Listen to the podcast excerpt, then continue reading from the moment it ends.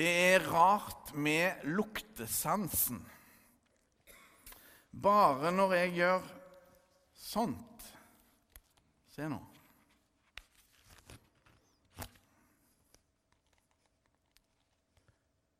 Snuse ned i plastmapper, sånn som dere så jeg gjorde.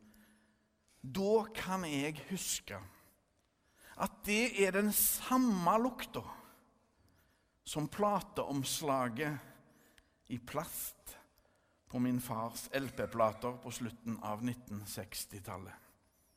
Helt utrolig. Lukt vekker minner. Enten de er gode minner, eller de er vonde.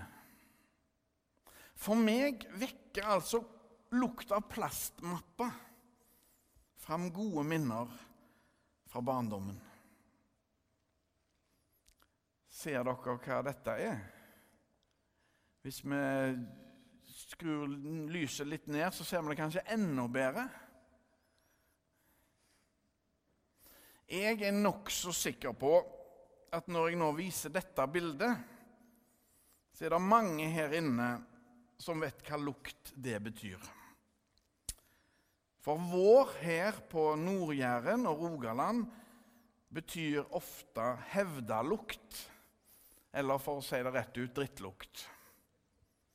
Når bøndene gjødsler jordene sine ved å spre møkk, da betyr det at omgivelsene rundt kjenner lukta godt. For noen er den lukta helt forferdelig. For andre igjen er det gode følelser som vekkes. Noen syns denne lukta er vonde, veldig vonde, mens andre syns altså at den er gode. Det lukter penger, var det en som sa, etter jeg har hørt. En bonde. Penger, ja. Uansett. Det er et sikkert vårtegn her i området. Nå skal vi straks lese dagens tekst om når Jesus drar inn i Jerusalem på den første palmesøndagen. Men også her i den teksten kommer vi inn på dette med lukt. Følg nøye med. La oss høre Herrens ord. Det står skrevet i evangeliet etter Johannes. Seks dager før påske kom Jesus til Betania der Lasarus bodde, han som Jesus hadde vekket opp fra de døde. Der ble det holdt et festmåltid for ham. Martha vartet opp, og Lasarus var blant dem som lå til bords sammen med ham. Da kom Maria med et pund ekte, kostbar nardussalve og med den salvet hun Jesu føtter og tørket dem med håret sitt. Hele huset ble fylt av duften. Da sa Judas Iskariot, en av disiplene, han som siden forrådte ham, hvorfor ble ikke denne salven solgt for 300 denarer og pengene gitt til de fattige? Dette sa han ikke fordi han hadde omsorg for de fattige, men fordi han var en tyv. Det var han som hadde pengekassen, og han pleide å ta av det som ble lagt i den. Men Jesus sa, 'La henne være. Hun har spart salven til den dagen jeg skal begraves.' De fattige har dere alltid hos dere, men meg har dere ikke alltid. Det ble kjent i den store mengden av jøder at Jesus var i Betania. Nå kom de dit, ikke bare for hans skyld, men også for å se Lasarus, som han hadde vekket opp fra de døde. Da la overprestene planer om å drepe Lasarus også. For mange av jødene dro dit på grunn av ham og kom til tro på Jesus. Dagen etter fikk folkemengden som var kommet til festen, høre at Jesus var på vei inn i Jerusalem. Da tok de palmegreiner og gikk ut for å møte ham, og de ropte Hosianna, velsignet er Han som kommer i Herrens navn, Israels konge. Slik lyder det hellige evangelium. Fikk dere med dere det om lukt? Hele huset ble fylt av duften, leste vi nettopp. Og jeg har forstått det slik at når lukta er gode, da kaller vi det for duft. God lukt er lik duft. Vond lukt Ja, da er det bare lukt.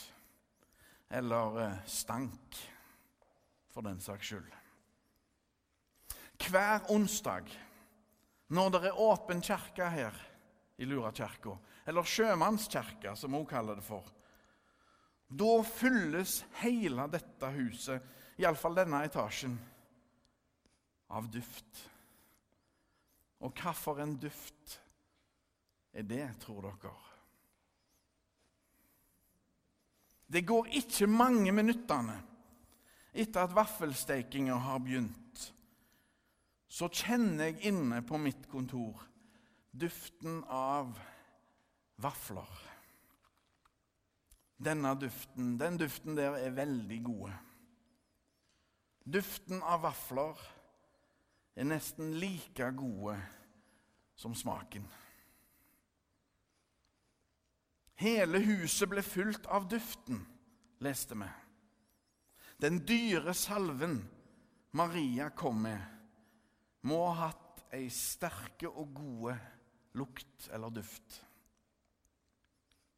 Og ett pund, det fant jeg ut, det er 327 gram.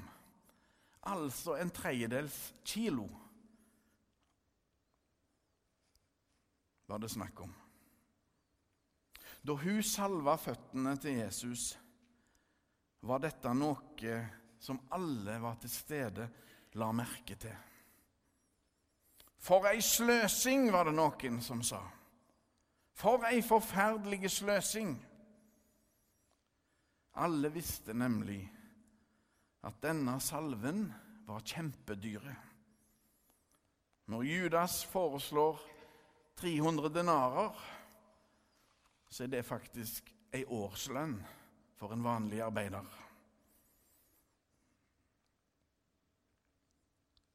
Men Jesus forsvarer Maria og sier at hun har gjort noe fint, og at Maria har spart salven til den dagen Jesus skal begraves. Og Jesus vet at dette ikke er mange dagene til. Dramatikken nærmer seg. Snart skal han ri inn i Jerusalem og bli hylla som en konge. Men Jesus vet òg at stemningen vil snu, og folket vender seg mot ham.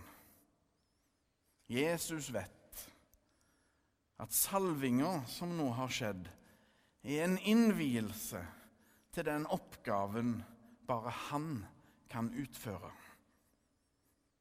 Han som kaller seg menneskesønnen, skal bli tatt til fange og lide og dø. Og oppstå igjen på påskemorgen. Men ennå virker alt så fredelig. Ennå virker alt det dramatiske så langt borte. Men Jesus vet hva denne påskeveka inneholder. Det er et sant drama. Verdenshistoriens største og viktigste drama. Hele huset ble fulgt av duften. Marias salve skal snart bli tatt fram igjen. Jesus vet det. Jesus er en konge, men en helt annerledes konge. Han er en konge som ikke er kommet for å la seg tjene, men for å tjene. Hele huset ble fullt av duften. Hva for en duft får fylle vårt hus? Hva for en duft preger våre liv? Er det kjærlighetens og raushetens duft? Eller er det den stramme lukta av smålighet og umulige krav? Eller for å spørre mer direkte sprer vi møkk? Eller sprer vi godhet og kjærlighet? Vi trenger alle hjelp for å leve. Vi trenger alle Guds forunderlige kjærlighet og nåde. Alle trenger hjelp for å settes fri. Det er nettopp derfor Jesus rir inn i Jerusalem. Den store kongen rir inn i påskedramaet for å sette oss fri. Og Jesus gjør det med åpne øyne. Selv om det koster han livet. Selv om det koster han alt. For den store kjærligheten Gud har til oss i Jesus, sprenger alle grenser.